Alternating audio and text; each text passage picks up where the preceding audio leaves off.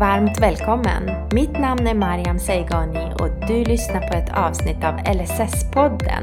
Förenklat och lättbegripligt. Nu kör vi! Varmt välkommen Nafal Naji! Tack så mycket! Eh, du var ju med oss förra avsnittet och då pratade vi lite allmänt om eh, dig, om själva professionen, skillnaden mellan advokat och jurist och ja, men vilka hjälpinsatser som finns inom LSS. Så det var väldigt generellt. Så idag tänkte vi, eller tänkte jag att jag skulle få ställa lite specifikare frågor till dig. Mm. Hoppas att du är redo Jag gör mitt bästa. för att bli grillad. Nej. Ja, visst. Nej. Eh, jag tänkte fråga så här. Eh, hjälpinsatserna som vi har pratat om då. Eh, när jag väl har ansökt om, de, om en hjälpinsats, vi säger att det är antingen hos kommunen eller, eller Försäkringskassan. Papperna är ivägskickade, eh, det har kommit fram till dem. Vad händer efter det? Har man då ansökt om eh, personlig assistans enligt LSS eller eh, assistansersättning enligt socialförsäkringsbalken så tycker jag att det är bra att man upprättar en behovsbeskrivning. Och en behovsbeskrivning, ehm, där kan man, den kan man antingen skicka in tillsammans med en ansökan eller så kan man också skicka in den i, i efterhand. I den så tar man upp sina hjälpbehov ehm, där man då beskriver sina grundläggande och andra personliga behov. Man skriver det, beskriver det i detalj. Eh, och då tar man upp vad man behöver hjälp med, på vilket sätt hjälp, hjälpen behöver ges. Eh, är det handgriplig hjälp? Är det instruktioner? Hur lång tid tar det att tillgodose behovet? Och eh, hur ofta behöver det tillgodoses? Så det kan man säga är då innehållet i behovsbeskrivningen. Det är genomsnittliga tider, det behöver inte vara exakt på minuten för det är ju det är svårt att uppskatta det så detaljerat. Eh, samma sak gällande hur ofta ett behov behöver tillgodoses. Så har man gjort det, man skickar in den, som sagt antingen tillsammans med ansökan, man kan också göra det i efterhand. Steget därefter, där är i regel ett eh, utredningsmöte med kommunen eller Försäkringskassan. Under det här mötet så beskriver man sina hjälpbehov utifrån de frågor som eh, handläggaren ställer. Och eh, i det här sammanhanget så är det bra om man då har den här behovsbeskrivningen, lutar, tillbaka, lutar sig tillbaka på, på den. Man är då mera förberedd och eh, man kan använda den som eh, anteckningar under själva mötet om man säger så. För det kan vara väldigt stressande möte, eh, man är eh, ansträngd så att säga. Och då kan det hjälpa en också att slappna av och veta att amen, man behöver inte uppfinna hjulet på nytt under mötet utan saker och ting finns redan och det är också inskickat. Handläggaren har också tillgång till det sen tidigare så eh, det underlättar att bli tydligt för alla. Efter utredningsmötet eh, så skickar kommunen eller Försäkringskassan ut en utredning för eh, kommunicering som det heter. Eh, och det, då får man i regel ungefär ja, men mellan 7 till 14 dagar på sig för att inkomma med eh, eventuella synpunkter på den här utredningen. Och vissa kommuner skickar ut utredning och bedömning. Eh, Medan andra enbart skickar ut eh, själva utredningen i sig. Då är det, kan likställas med en, ursäkta, samtalsdokumentation. Så att säga. Eh, om det då enbart är den, eh, den typen, alltså bara utredningen, eh, så ska man hålla ögonen öppna efter rena faktafel.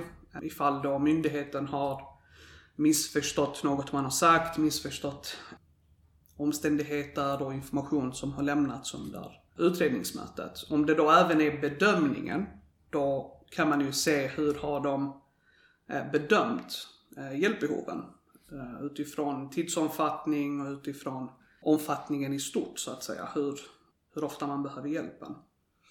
Och då är det tillfälle att eh, bemöta det. Då kan man göra det i, i synpunkter så att säga. Och det igen har de, ifall de har lämnat felaktiga bedömningar utav eh, omständigheterna.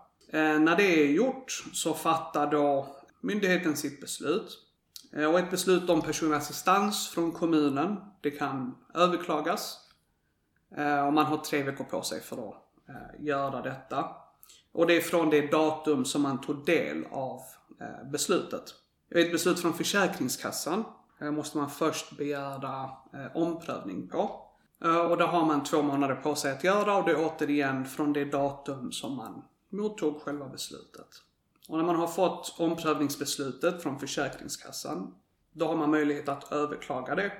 Eh, och även där har man två månader på sig och det är återigen från det att man tog del av själva beslutet. Spännande. Bra och tydligt förklarat. Eh, jag vet att det var en lyssnare som hörde av sig till mig och hade gjort en så kallad behovsbeskrivning som du nämner. Där hon hade specificerat upp allt behov, hon, hjälpbehov hon hade under dagen. Och då blev hon så himla orolig när det var ett möte sen där de satt och pratade igenom allting. Hon, hon tänkte att hon, hon, hade inte förstått att det var så det var. Att man, trots att man skickar in en behovsbeskrivning, så är det ändå ett möte som är obligatoriskt av det jag har förstått. I stort sett, ja. Yes. Så det är inga konstigheter att till och med om man har väldigt bra skrivet vad ens hjälpbehov är, att man ändå möts, träffas och pratar igenom det. Ja. Ja, så det är ingenting att oroa sig för. Nej. Förlåt, det hör till eh, själva utredningsförfarandet om mm. man säger så. Så man kan ha jättebra behovsbeskrivning, man kan också ha jättebra tydliga intyg. Men en del utav utredningsförfarandet som myndigheten har, det är också att höra den sökande. Mm. Så att den också får komma till tals. Och man också får höra um, ja, men den situation, höra det från personen själv. Så det är inget konstigt med det. Nej. Vet du om man som, som individ kan neka? Kan man säga nej tack, jag vill inte ha det här mötet. Är det likadant? Är det samma sak som att säga att nej tack, jag vill inte att ni ska utreda det här?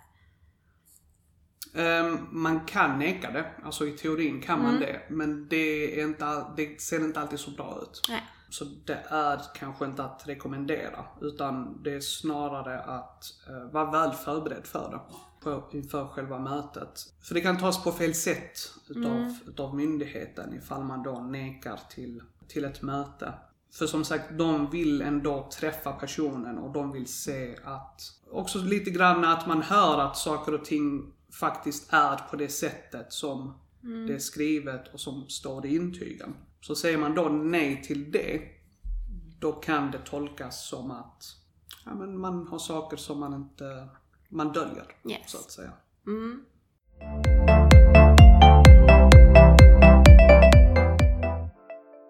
Tack Nafal. Innan vi går till, vidare till nästa fråga, då vill jag bara fråga en sak. Om man har kommit så pass långt i processen där man har skickat in en överklagan och av olika anledningar bestämmer sig för att nej, jag vill inte gå vidare med överklagan. Finns det något sätt när det redan har kommit in till domstolen att ta tillbaks den överklagan man har kommit in med? Eh, ja, det gör det. Och, alltså, det, det är inget komplicerat. Det, um, man skriver till domstolen egentligen att jag, jag återtar min, min överklagan. Och då anger målnumret, uh, ens personuppgifter så att de kan hitta den. Mm. Och att man återtar den. Och man behöver egentligen inte förklara mycket mer än så. Sen, enkelt. Ja. Någonting ska vara enkelt. Eller hur? Vad bra, tack. Då är nästa frågan, det är om jag har fått ett beslut eh, som jag är nöjd med och är igång då, eh, assistansen är igång eh, och då pratar jag om beslut för assistansersättning då. Är det någonting jag behöver tänka på, då tänkte jag, pratar jag lite grann om mina skyldigheter och rättigheter har jag redan fått på beslutet. Skyldigheten är egentligen? Ja, man har då eh, skyldighet att anmäla ändrade förhållanden eh, till Försäkringskassan. Och man kan säga att man i stort sett har eh, samma skyldighet, att samma sak gäller ifall man har ett beslut från kommunen. För där ska man anmäla till kommunen ifall man behöver mindre omfattning av assistans eh, sen beslutet fattades. Och gör man inte detta, då kan man bli återbetalningsskyldig till respektive myndighet. Sen kan man säga att det är eh, omtvistat om vem som har den eh, yttersta skyldigheten i eh, sådana situationer. Alltså vem som har det slutliga ansvaret om en sån anmälan uteblir. Är det den enskilde, eller är det assistansanordnaren, eller är det myndigheten? Sen vill jag också bara flika in, du var inne på rättigheter också. Eh, det finns skyldigheter och det finns eh, rättigheter. Eh, absolut. När man då har fått beslutet om assistans så har man egentligen rätt att disponera den assistansen på det sätt som passar en själv bäst. Även om det står specificerat på beslutet har man fortfarande rätt att disponera den som man vill. Om till exempel på beslutet står det att det ska vara två timmar mellan 9 och 11 på morgonen. Är det fortfarande så att... Alltså det har man. Ja. För det man gör, man utreder hur mycket assistans behöver du för att kunna få goda levnadsvillkor. För att kunna få ihop din vardag, för att kunna leva så att säga. Och det gör man, så har man då kommit fram till att okej, då har man rätt till assistans för grundläggande behov och andra personliga behov. Och sen har det praxis gjort att saker och ting har blivit så detaljerat som det har blivit nu på senare tid. Men sen när man då har rätt ut allt det där och så kommer man fram till att okej, men du, du har rätt till exempelvis 40 timmar assistans i veckan.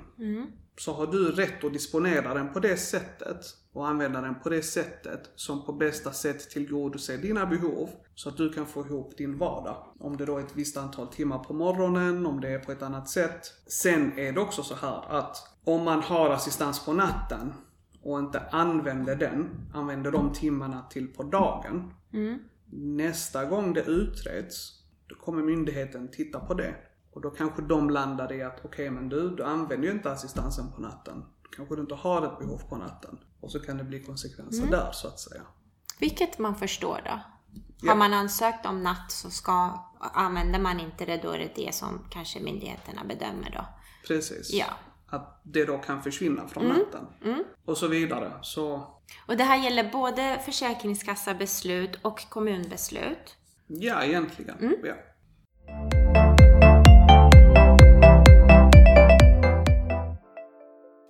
Alla fall, det är en fråga som jag har fått ganska många gånger, både från lyssnarna och från annat håll. Och det är det här med tvåårsomprövningar. Kan inte du bara berätta vad det är först och främst? Jo, tvåårsomprövningar. Ehm, alltså till att börja med så är de eh, sen april 2018 så är de stoppade eh, tills vidare. Och det är inget permanent stopp utan det är ett, det är ett tillfälligt stopp. Eh, troligtvis så kommer tvåårsomprövningarna komma igång igen när eh, förutsättningarna finns för det. Eh, och vad är tvåårsomprövning? Tidigare så när eh, Försäkringskassan fattade ett beslut så skulle de ompröva det två år efter beslutsdatumet. Eh, Och då gjorde de en ny förutsättningslös eh, prövning utav eh, den personens hjälpbehov. Så man började processen på nytt igen efter två år, kan man säga. Då behöv, behövde man ordna med nya intyg och utredningsmöte där man ska redogöra för sina eh, hjälpbehov på nytt. Och eh, det kunde bli ett beslut med samma omfattning. Man kanske kunde få en utökning om man hade ansökt om det. Eh, beslutet kunde också vara att man drar in assistansen. För Försäkringskassan bedömer att det understiger 20 timmar eh, grundläggande behov. Ja, och eh, det, du berättade ju också att det stoppades 2018, april. Varför? De stoppades på grund av att eh, rättspraxis hade, om man säger, skenat iväg eh, och gick ut över den eh, enskilde.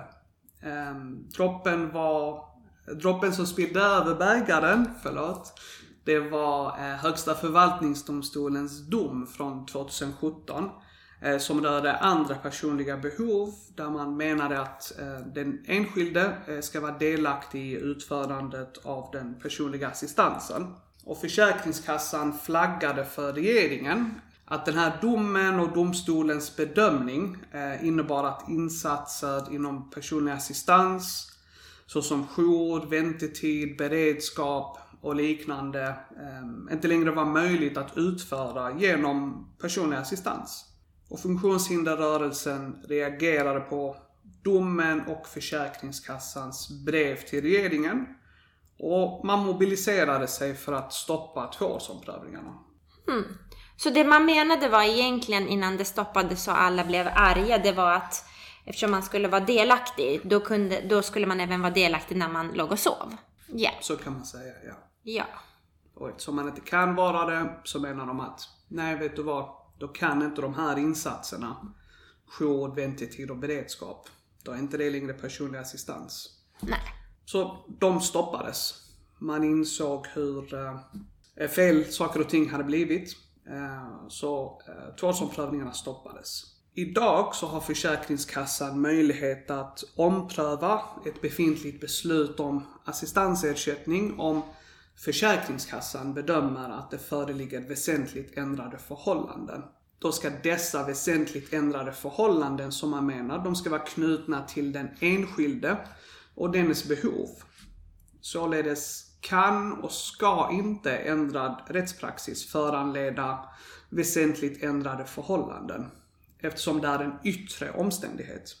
Mm. Det är inte knutet till den enskildes behov med andra ord. Dock är det otydligt vad som faktiskt utgör väsentligt ändrade förhållanden. Um, och det är något som Försäkringskassan medger. Um, men även domstolen kan medge detta. Så en ny rättspraxis håller på att utformas med grund i väsentligt ändrade förhållanden trots att det inte är reglerat i lag exakt vad som utgör ett väsentligt ändrat förhållande. Och det här gör begreppet eh, otydligt, med andra ord eh, rättsosäkert. Det, det, är mycket gråzoner där. Det är mycket gråzoner mm. och Försäkringskassan menar ändå att väsentligt ändrade förhållanden, att det ska vara knutet till den enskilde och dennes hjälpbehov.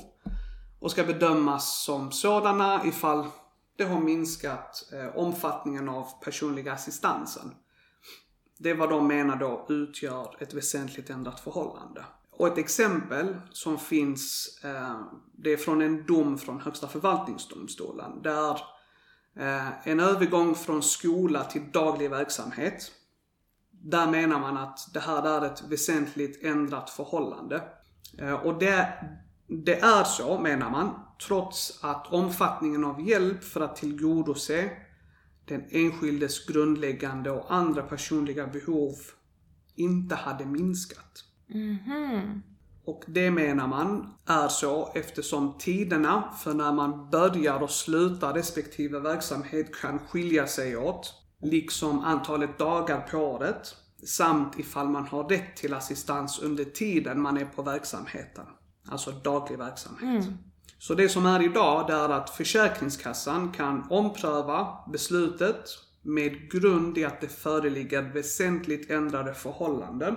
Om man bedömer att omfattningen av de grundläggande behoven efter sådan prövning understiger 20 timmar per vecka, då kan man faktiskt dra in assistansen. Mm. Så det är vad som gäller för Försäkringskassan idag.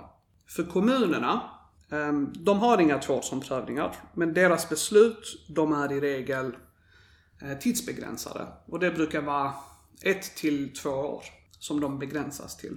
Inför att beslut är på väg att löpa ut från kommunen då, då bör man ansöka om en förlängning av beslutet och ifall hjälpbehoven har ökat kan man även ansöka om en utökning vid detta tillfälle. Om man inte ansöker om en förlängning av beslutet, då kan det finnas risk att ens personliga assistans upphör. Och i regel så kontaktar handläggaren en eh, för att boka in ett utredningsmöte. Men det kan även vara så att beslutet förlängs utan att något utredningsmöte genomförs. Okej, okay. jättebra. Så det var det som gällde och det skiljer ju sig ganska mycket från Försäkringskassan och kommunen idag i och med att ena har eh, omprövning när beslutet, eller kanske inte kallas för omprövning, utan när beslutet går ut så vill man prova igen om man har rätt till beslut. Ja, du tänker på kommunen? Yes. Eh, precis. An, alltså, med kommunen, det gäller ju i eh, ett till två år. Det är olika från mm. kommun till kommun. Och när det datumet kommer, har man inte då påtalat för kommunen att Eh, jag har fortfarande behov av assistans. Jag ansöker om en förlängning utav det här eller om en utökning mm. utav assistansen för att jag behöver det. Då kan assistansen upphöra mm. från det datumet. Så det är viktigt att hålla koll på sitt beslut helt enkelt och när den går ut? Precis, det är jätteviktigt. Ja. ja. För de lägger också det ansvaret på, på den enskilde. Mm. Och sen nämnde du lite snabbt att om ja, men vid en omprövning hos Försäkringskassan om man har ansett att det har varit någon väsentlig förändring och man ser att grundläggande behoven understiger 20 timmar per vecka. Jag har tidigare pratat om det här i podden så att vill man veta mer vad det innebär med grundläggande och övriga behov så kan man bara lyssna på det avsnittet. Men när Försäkringskassan ser att nej men det här är ingenting som egentligen är ligger hos oss, skickar de det automatiskt till den kommunen man bor i eller måste man själv gå och söka hos kommunen och försöka få sin hjälp därifrån? Försäkringskassan har dels eh, serviceskyldighet. Mm. Så antingen så ska de, eh, då har de skyldighet att meddela en detta. Mm. Vad man ska göra. Eh, okay. hur, hur, man ska gå tillväga.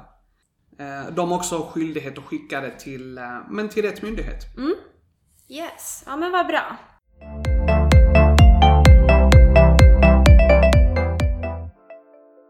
Ja, vad bra. Och då är det frågan gällande ombud, godmanskap, förvaltare. Kan inte du bara förklara vad allt det här är för någonting? Eh, jo, absolut. Ombud, det pratade vi lite grann om i, i förra avsnittet. Eh, och ett ombud har rätt att föra ens talan, är part i ärendet eller målet och har rätt att ta del av samtliga handlingar i ärendet. Vem som helst kan vara ombud man upprättar en fullmakt för den som ska eh, vara ens ombud. Ehm, man undertecknar den såklart och eh, skickar in den till myndigheten eh, för att tala om för dem att man har ett ombud som representerar den helt enkelt. Eh, vem det är och eh, vad den har rätt till. Och man kan få en god man eller förvaltare ifall man har svårt att hantera sin ekonomi eller kontakten med myndigheter och behöver hjälp med sina juridiska rättigheter. Och det kan handla om att betala räkningar, få rätt vård och få rätt insatser enligt LSS eller SOL, alltså socialtjänstlagen. Och skillnaden mellan god man och förvaltare, om vi då börjar med, med god man, så är eh, det i regel en frivillig åtgärd. Eh, med andra ord innebär det att den som behöver hjälp själv går med på att tingsrätten utser en god man. Och man behöver om man behöver hjälp, förlåt, ehm, men inte förstår vad det betyder att ha en god man så kan ett läkarintyg eller en liknande utredning behövas för att tingsrätten ska besluta om god man för, för den enskilde. Har man en god man, då har man fortfarande rätt att bestämma över sina eh, pengar, hantera egendom och ingå avtal. Mm. Och för förvaltare, så om insatsen god man inte är en tillräcklig åtgärd, då kan tingsrätten utse en förvaltare. Och det görs för den som inte kan ta hand om sig själv eller sina tillgångar. Och i första hand så ska tingsrätten eh, se över ifall insatsen god man är en tillräcklig insats. Detta eftersom en förvaltare är en tvångsåtgärd. Tingsrätten kan alltså besluta om förvaltare utan att den enskilde, den som behöver hjälp alltså, utan att den personen går med på det. Och anhöriga till den enskilde måste inte heller hålla med om beslutet. Så insatsen förvaltare är mera inskränkande än insatsen god man. Och den som har förvaltare har inte rätt att själv ingå avtal eller hantera sina pengar. Det är istället förvaltarens ansvar. Jättebra förklarat!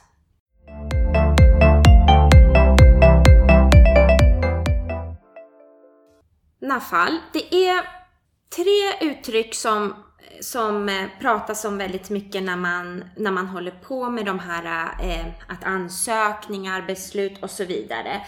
Får jag ta upp dem så får du förklara lite enkelt kring vad detta innebär, eller dessa uttryck innebär. Mm. Hoppas vi att det blir lite tydligare för dig som lyssnar. Jag tänkte på yttrande, beslut och överklagan och vad dessa steg innebär och hur det går till rent praktiskt. Yes. Eh, ett beslut eh, från kommunen avseende en LSS-insats eh, Det kan alltid överklagas, liksom ett beslut från Försäkringskassan. Andra beslut som kan överklagas är sådana beslut som har en besvärshänvisning.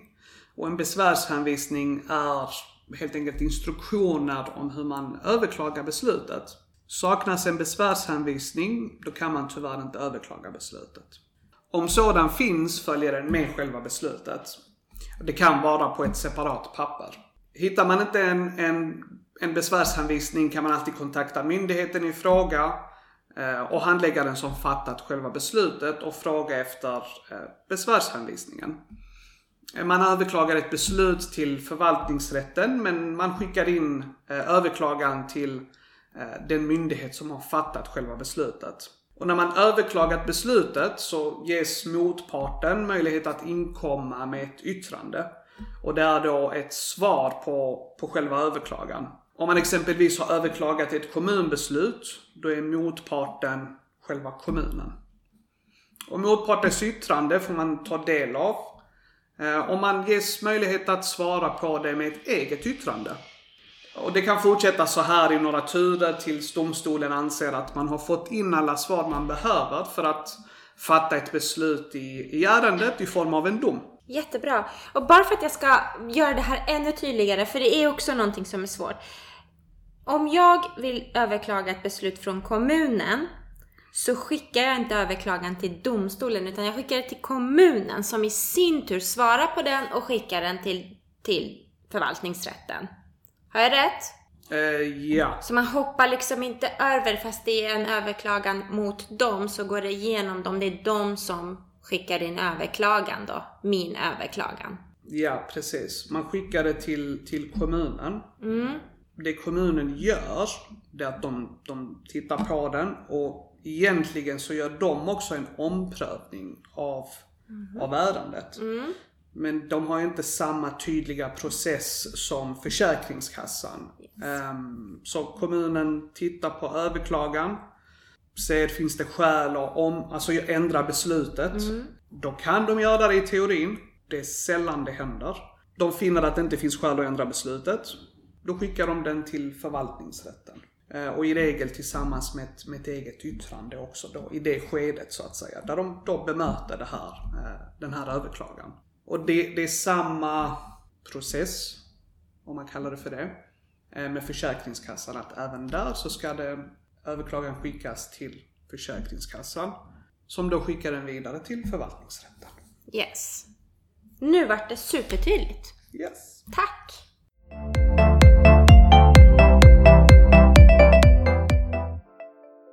Jag tänkte innan vi går till den sista frågan för, för dagens avsnitt så har jag ju fått lite förfrågningar om man vill få tag på dig och ställa frågor direkt till dig. Hur får man tag på dig? Jag tänkte fråga om det är okej att jag skriver ut eh, kontaktuppgifter till dig, mail, i beskrivningen till det här avsnittet.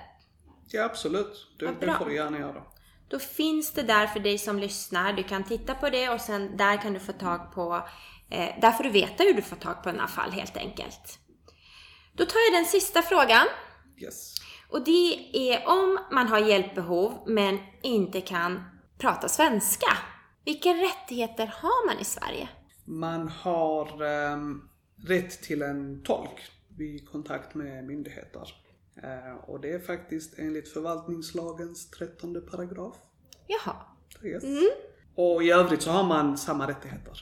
Ja. Som, som alla andra. Mm. Önskan om tolk kan man ju redan förmedla till myndigheten genom ja, men, blanketten man skickar in. Även vilket språk man önskar tolken i och så vidare.